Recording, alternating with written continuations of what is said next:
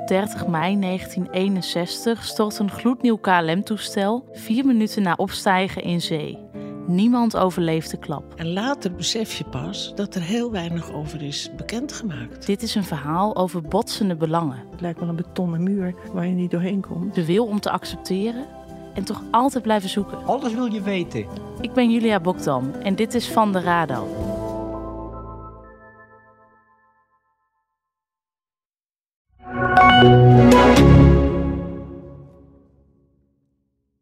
Ja, we zijn er bijna eigenlijk. Daar zie je die groene vlag al van de, van de Plus. Ja. Nou, daar moeten we zijn. Met collega Koen Hagenaars loop ik door het centrum van Halsteren. Een ogenschijnlijk rustig, doorsnee Brabants dorp, net boven Bergen op Zoom. En dat huis wat daar naar achter staat, dat is van Grimmis.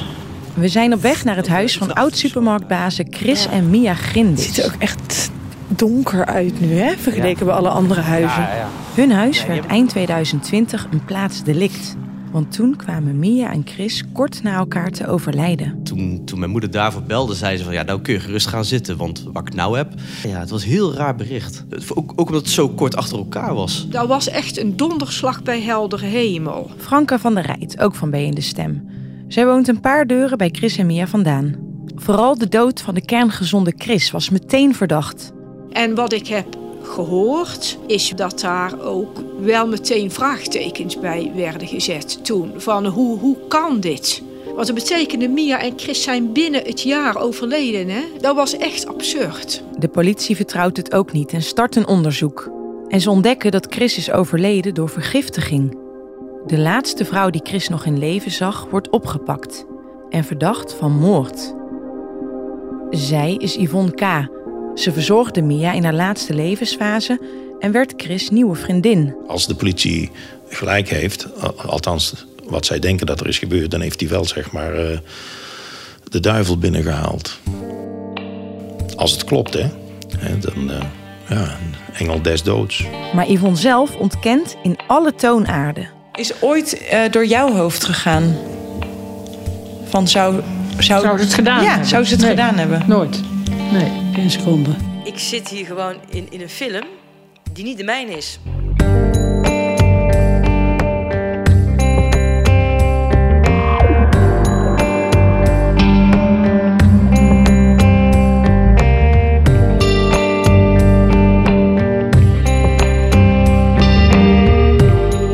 Wat is hier gebeurd? Dit is De Giftdode. Een podcast van BN De Stem, Brabants Dagblad, AD en de aangesloten regionale dagbladen.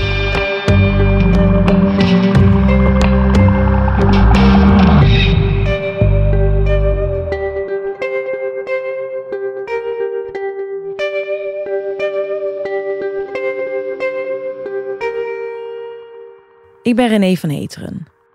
En als podcastmaker ben ik altijd op zoek naar nieuwe verhalen. Een collega tipte me begin dit jaar: hey, er speelt al een tijdje een interessante zaak in Brabant, waar voor alle partijen veel op het spel staat.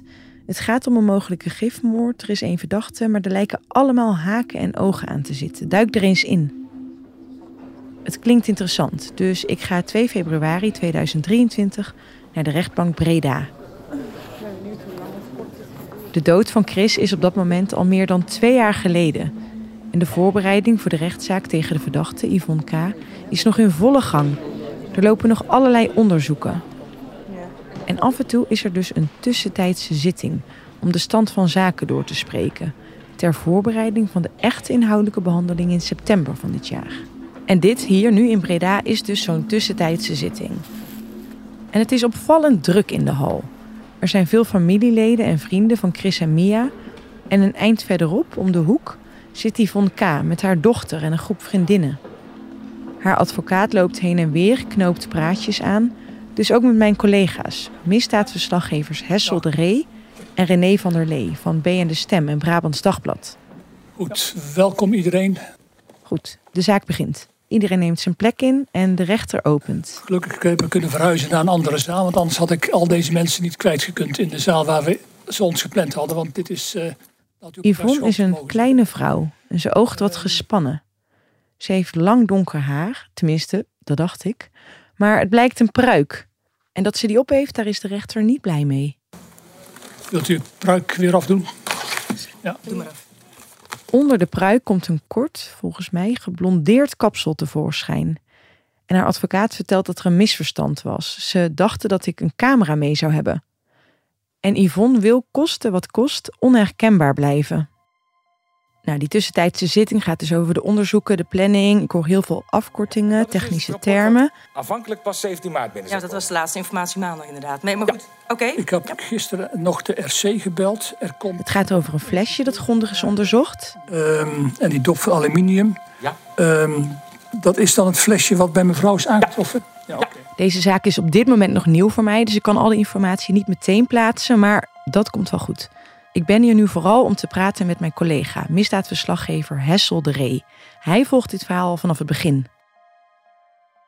Even kijken, kun je vertellen hoe dit überhaupt op jouw bureau is beland? Weet je dat nog? Nou, een collega belde me. Dat was eigenlijk een paar dagen na eh, het overlijden van Chris Grinwis. Een collega Jan van de Kastelen, die eh, was eh, stadsverslaggever in Bergen op Zoom, Halsteren. En die belde me, die zei, we hebben een rare zaak eh, onder de leden. En eh, nou, die wilde mij als misdaadverslaggever daar wel bij hebben. En eh, ja, toen hoorden we eigenlijk al heel snel op straat en via bekende kennissen... dat er hele sterke vermoedens waren dat dit geen natuurlijk overlijden was. En ja, van daaruit ga je dan verder. Wilden de mensen graag met je praten in, in Halsteren? Was Nou, niet zozeer hoor, want je dringt dan ook wel snel door tot... ja, je, je gaat in de privacy van mensen zitten roeren. En ze hebben ook respect voor de man. Eh, of dat hadden ze dan in elk geval. En eh, nou, zo makkelijk was dat nog niet. Maar we hebben wel uiteraard met eh, mensen uit zijn omgeving kunnen praten. Ja, en die zitten ook met raadsels vooral. Op basis van de gesprekken die Hessel voert met buren, bekende vrienden, krijgt hij toch een beeld van Chris. En dat is nou niet per se iemand waarvan je zou verwachten dat zijn dood ooit onderwerp van een moordonderzoek zou worden. Chris was een hele eh, bekende eh, figuur in het dorp. Hij eh, was sponsor van heel veel clubs, eh, verenigingen. Hij, was, eh, hij is de grote man van de supermarkt, de Plus Supermarkt in de Dorpstraat. Hij heeft eh, meegeholpen daar om het nieuwe dorpshart te ont- ontwikkelen. In een oud interview met Chris in de krant lees ik dat hij zelf uit een echte winkeliersfamilie komt. Zijn wiegje stond letterlijk achter de toonbank van de supermarkt van zijn ouders. Zelf zag hij dat leven zo helemaal in de teken van een winkel niet voor zich. Dus hij ging studeren in Amsterdam. In de jaren 70 vroeg zijn zus of hij een tijdje zou kunnen helpen in haar supermarkt in Halsteren. En daar, bij de vleeswaren, ontmoette hij Mia, de liefde van zijn leven. Ze trouwden in 1984. En tien jaar later namen ze samen de supermarkt over van Chris' zus. En vanaf dat moment leefde hij dus toch een beetje hetzelfde leven als zijn ouders.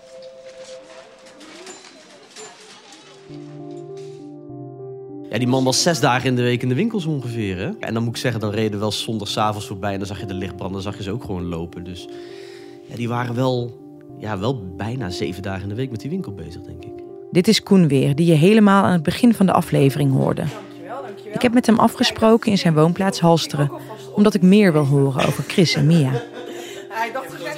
Koen is nu journalist, maar in zijn jonge jaren werkte hij bij Chris en Mia in een supermarkt. En echt, ik heb in mijn tienerjaren ook in een winkel gewerkt, maar dat was lang niet zo gezellig als bij Koen. Wereldtijd gehad, ja, ja. Ik was 15 toen ik daar begon en ehm, ja, we hadden gewoon een ontzettend leuke ploeg daar. Jonge gasten die wel hard wilden werken en eh, veel lachen, maar daarna ook gewoon wel, eh, wel doorwerken. En ehm, ik weet nog wel, dat was het een uurtje of vijf en dan, dan, dan keken we elkaar aan van, joh, wie zet er een, eh, wie zet er een kratje bier koud? En dan eh, boven de winkel zat de kantine. Dus dan gingen we daar boven een biertje drinken en eh, ja, Chris Grimmes eh, deed er graag eentje mee. Want dat was, ja, dat was altijd gewoon heel erg leuk. Dus Als de winkel dicht ging, dan zette Chris Grimmes zelf muziek op. Want hij was een ongelofelijke muziekfan en dan draaide hij veel ja, rockmuziek. Ik geloof dat hij heel erg fan was van de Kings. Eh, maar, maar ook Led Zeppelin heb ik vaak voorbij horen komen. En eh, liep hij ook altijd rond met een, eh, ja, met een grote hoed had hij altijd op. Ja, een soort, soort, soort cowboyhoed. Ja, ja, ja dat, was, dat was altijd heel erg grappig. En ja, niet iedereen vond, die, ehm, vond zijn muziek heel erg te pruimen. Dat was voor sommigen misschien ook wel reden om, om net iets harder te werken... dat ze eerder weg kon. Ik vond dat wel leuk. ja. Samen met die hechte ploeg medewerkers maken Chris en Mia een succes van de supermarkt. Mia is wat stugger in de omgang, maar minstens zo geliefd als Chris, die altijd voor iedereen tijd voor een praatje heeft. De winkel groeit flink. En naast al dat werken en zijn inzet voor het dorp, is er voor Chris dus altijd de muziek. De waterput. Hallo, goedemorgen. Met u jullie? Ja. Hoi, ik ben René. Hallo. Hoi. Hoi. Hoi. Hoi. Dankjewel. Kunnen vinden? Zeker. Goed zo, goed zo. Hoi, ik ben uh, Gilly Verest, eigenaar van platenzaak uh, De Waterput, wat ik samen met mijn zoon doe, Yannick. Uh, de winkel bestaat al vanaf 1969. En vroeger was een waterput in een dorp als een ontmoetingsplaats. En wij zijn eigenlijk een ontmoetingsplaats voor muziekliefhebbers. Dat is het eigenlijk. Ja, leuk. En een van de mensen die hier heel vaak kwam was uh, Chris Grinwis. Kan je er iets over vertellen? Chris was uh, buiten het onze beste klant was, was het ook uh, eigenlijk ook wel een, een, goede kennis. Ik zou misschien zelfs een vriend. Uh, nou, een vriend is niet het goede woord. meer een vertrouwensman was hij.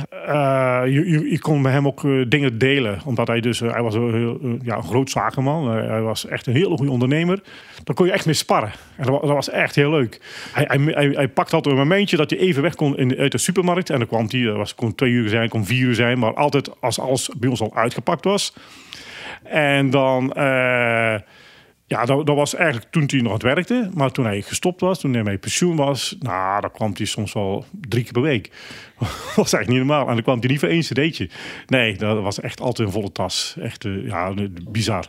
Hij had twee, twee kamers vol met muziek thuis. Ja, dat was uh, ja, ongekend. Het lijkt Chris en Mia dus voor de wind te gaan. Het stel is onafscheidelijk. In alle gesprekken die ik de afgelopen maanden heb gevoerd, kwam dit beeld vaak voorbij. Chris en Mia hand in hand lopend door de dorpstraat. Maar er is een groot probleem. Mia is ziek, dement. En ze gaat op een gegeven moment hard achteruit. Dus Chris neemt een moeilijk besluit. Eerder dan gepland verkoopt hij de supermarkt en gaan ze met pensioen. Zo, dat was echt heel pijnlijk. Hij, hij hield zoveel van die vrouw dat dat liet hij altijd merken. Ongelooflijk. Hoe, hoe wij over haar praten. Als ze binnenkwam toen ze ziek was. En dan was je samen uh, gewoon simpel een hand op haar schouder leggen. Weet je wel. Haar kussen. Eén ding wilde hij per se niet. Dat Mia naar een tehuis ging. Dat was dat. Hij zegt, je hebt altijd zo hard gewerkt voor de zaak. Dat wil ik absoluut niet. En uh, ja, maar ja, dat kost natuurlijk tijd, die zorg thuis. En toen heeft hij gezegd, joh, hij was al van plan om er een afscheid van te nemen. En dat is toen versneld. En hij haalt hulp in huis ja, privéverpleging of hoe je het ook mag noemen. En een van de verzorgers die hij in huis haalt is dus Yvonne K. En wanneer dat nou precies gebeurt, daarover gaan verschillende verhalen rond. Maar er slaat in een hele korte tijd in ieder geval een vonk over tussen die twee. Een maand nadat Yvonne bij Chris en Mia aan de slag gaat, overlijdt Mia op 16 mei 2020. Nou ja, haar overlijden lag in de lijn der verwachtingen. Want het was wel duidelijk dat het steeds minder goed met haar ging. Maar goed, iemand die dementerend is, kan natuurlijk ook best 80 worden. Dit is Franka weer van B en de Stem, die dus net als Chris en Mia in de Dorpstraat woont. Dus in die zin kwam haar overlijden misschien niet voor de eigen kring van uh, en bekenden van Chris, maar voor veel mensen in Halsteren in ieder geval, kwam wel als ja, toch wel tamelijk van goh is ze al overleden. En niet veel later loopt Chris hand in hand door het dorp met Yvonne. Heb ik zelf gezien. Ik kan me herinneren dat wij op een zondag dat wij thuis kwamen en uh, met de auto dus de dorpstraat inreden. En dat wij uh, Chris met zijn pet op, uh, de vertrouwde pet, met een dame hand in hand lopen door de dorpstraat. Eigenlijk zoals die met Mia altijd hand in hand had gelopen. En nou ja, onze reactie was toen wel, kan ik me herinneren, hè? Wie, wie is dat van, goh, dat is wel snel. Want hoe lang was dat na haar overlijden, denk je, dat je dit zag? Binnen twee maanden, zeker wel. Ja. En dat werd natuurlijk ook wel in Halsteren gezien. Daar hadden mensen het ook wel over en daar hadden ze het natuurlijk bij de Plus ook over. En het was natuurlijk bekend dat Mia natuurlijk al, al Mia niet meer was. En dat die periode heel zwaar voor Chris is geweest. Maar dat hij zo snel al een nieuwe partner had. Ik denk dat dat voor veel mensen toch wel even een dingetje was.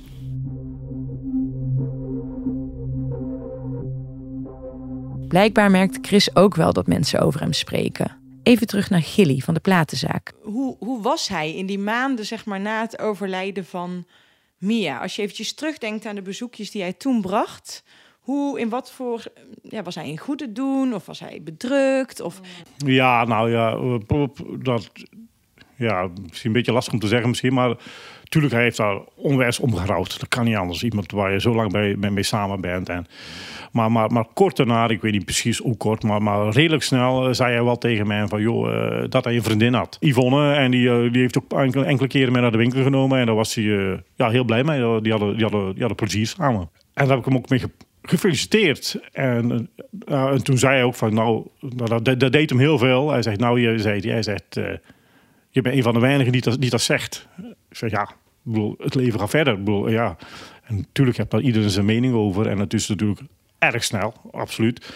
Maar ja, het leven gaat verder. En was ook niet meer de jongste. Ja, je kunt ook wel zeggen, ik wacht nog vijf jaar. Maar ja, snap je? Dus voor een ander oordelen, dat is heel makkelijk. Hè? Dus dat heb ik ook niet gedaan. Roddels in het dorp of niet, Chris lijkt gelukkig met zijn nieuwe liefde. Hij koopt een mooie nieuwe auto, maakt allerlei vakantieplannen. Maar dan, begin december 2020, totaal onverwacht. Ja, op een gegeven moment kwam er een klant binnen. Ik weet nog precies wie. Hij zegt, Chris, Chris is dood. Ik zeg, Chris is dood. Ah, joh, dat kan niet. Ik zeg, die was die paar dagen geleden nog. Zei, ja, die is dood. Dus ik ben zo geschrokken. En, en ik was helemaal van slag. Heb ik de jongens gebeld, ik heb mijn zoon gebeld. Je hoorde het al aan het begin van deze aflevering. Heel Halster is in shock. Op Facebook stromen de steunbetuigingen aan Chris en Mia's familie binnen. Halsteren is zijn beste vriend kwijt. Onze twee zoons hebben allebei bij jullie ouders gewerkt. Ze waren zo begaan met ze. Echt ongelooflijk. Zelden zulke bazen meegemaakt. Wat een verschrikkelijk nieuws. We hadden ons geen betere buurman kunnen wensen. Maar gelukkig heb ik het voorrecht gehad om deze beide prachtige mensen in mijn leventje te hebben mogen meemakenen. Ze, zullen altijd in mijn gedachten blijven. Ook Gilly schrijft een hartekreet. Dankzij dat bericht ben ik hem voor deze podcast op het spoor gekomen. Zal ik er één keer oplezen? Kijk maar hoe het gaat. Ja, ja inderdaad. Rip, Chris Grimwis. You, you really got me, Chris. Bij ieder plaatje van de Kings moesten we aan jou denken. Nu heb je ons verdomme helemaal bij onze lurven gegrepen. We kunnen niet geloven dat je er zomaar opeens niet meer bent. Meer dan een trouwe klant was je ook echt een vriend. Ter nagedachtenis gaan we vandaag alleen jouw favoriete plaatjes draaien. Uiteraard de Kings, maar ook Wilco, Jason Isbell, Sonny Rollins en zoveel meer. Je was een groot, altijd betrokken lief mens. We gaan jouw lach, je adviezen en je fijne gesprekken, al dan niet over muziek, ongelooflijk missen. We wensen alle familie, vrienden en iedereen die hem kende heel veel sterkte toe. Team Waterput. Maar het blijft niet bij deze shock. Want al snel gaat er een bizar verhaal rond in Halsteren. Een collega belde me. Dat was eigenlijk een paar dagen na uh, het overlijden van Chris Grinwis. Dat er hier meer aan de hand is. En die belde me. Die zei, we hebben een rare zaak uh, onder de leden. En zo wordt misdaadverslaggever Hessel van BN De Stem dus opgetrommeld. En uh, toen kwam ook eigenlijk al enkele dagen uh, na het overlijden van hemzelf... kwam ook naar buiten, werd op straat verteld...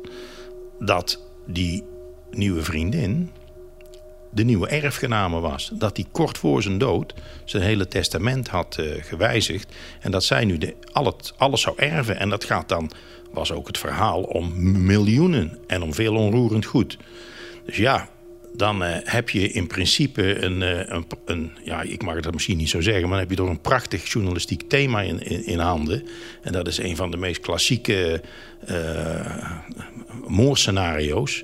Vergiftiging van man, van rijke man, door inhalige vrouw. Om het zo maar even simpel te zeggen. En ja, dat, daar kun je boeken over schrijven. Maar dat, het is ook natuurlijk tegelijk een, een, een ja, het is een heel serieus uh, uh, onderwerp. Want is hier iemand vermoord?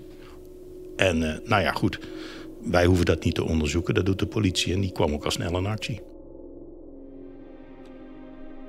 Gilly is nog maar nauwelijks bekomen van het nieuws over de dood van Chris... als de familie van Chris en Mia plots bij hem in de winkel staat. Zijn dochters van, van Mia en, en, en kleinkinderen...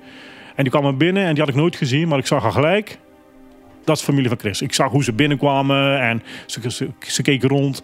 Dat, dat, dat, dat was nogal, ja, dat was nogal emotioneel. Het was echt, mm, ja, ze waren natuurlijk niet blij met de situatie na de dood van Mia. Omdat hij snel een vriendin had. Ze, ze waren ook niet zo blij met die nieuwe vriendin. Dat die ze echt merken. Echt heel duidelijk merken. En die verhaal daarna, ja, dan, dan komt het ook allemaal uit. Zij hadden een sterk vermoeden.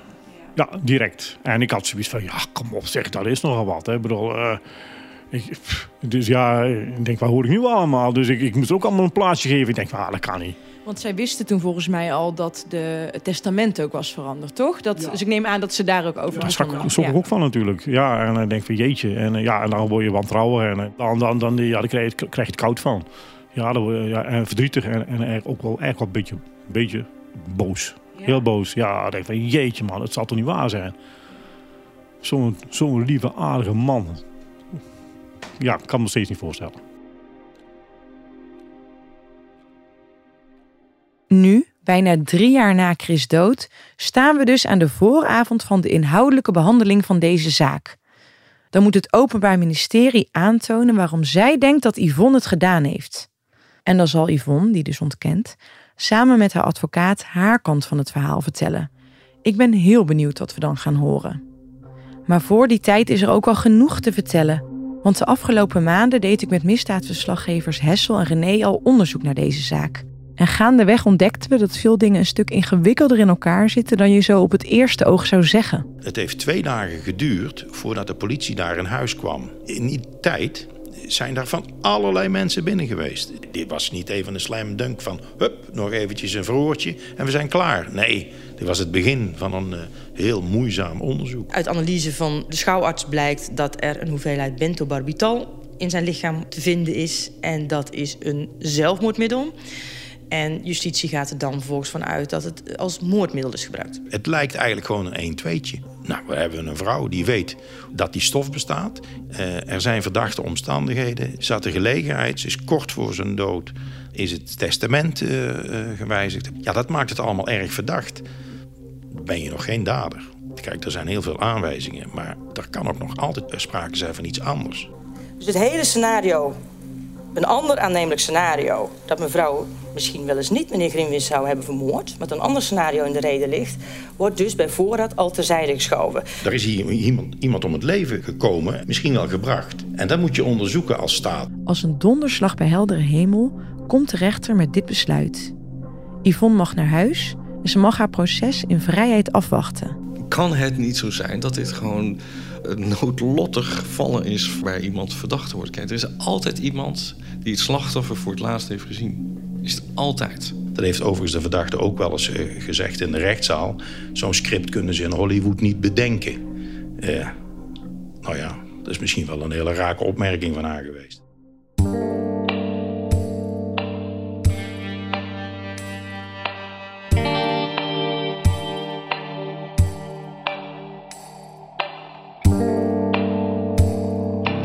Je luisterde naar de eerste aflevering van De Gifdoden.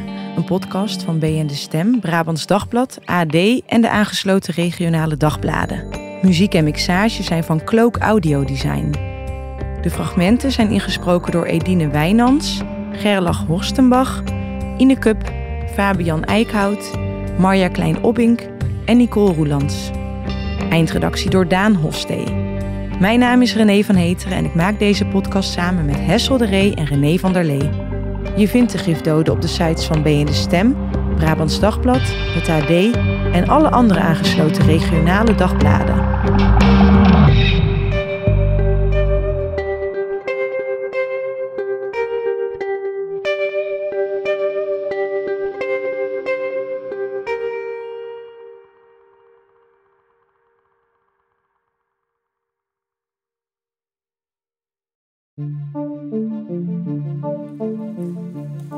Niet vervelend hoor. Maar dan denk je, ja, jij moet een over- woningoverval gaan doen. Jij loopt het risico en dan ga je van tevoren niet bespreken wat je ervoor gaat krijgen. Klopt, ik sta me ook ervoor. Vind je jezelf dan niet een beetje dom als je dit zo doet dan? Zeker. Op deze manier. Nou, dan kom je bij de woning aan. In de podcast De Zaak X krijg je een uniek inkijkje in rechtszaken met opnames uit de rechtszaal. Wat drijft een verdachte tot vaak bizarre daden? En wat is de uitspraak van de rechter? Luister naar de podcastserie De Zaak X. Ga naar je favoriete podcast-app of naar ad.nl/slash de zaak X.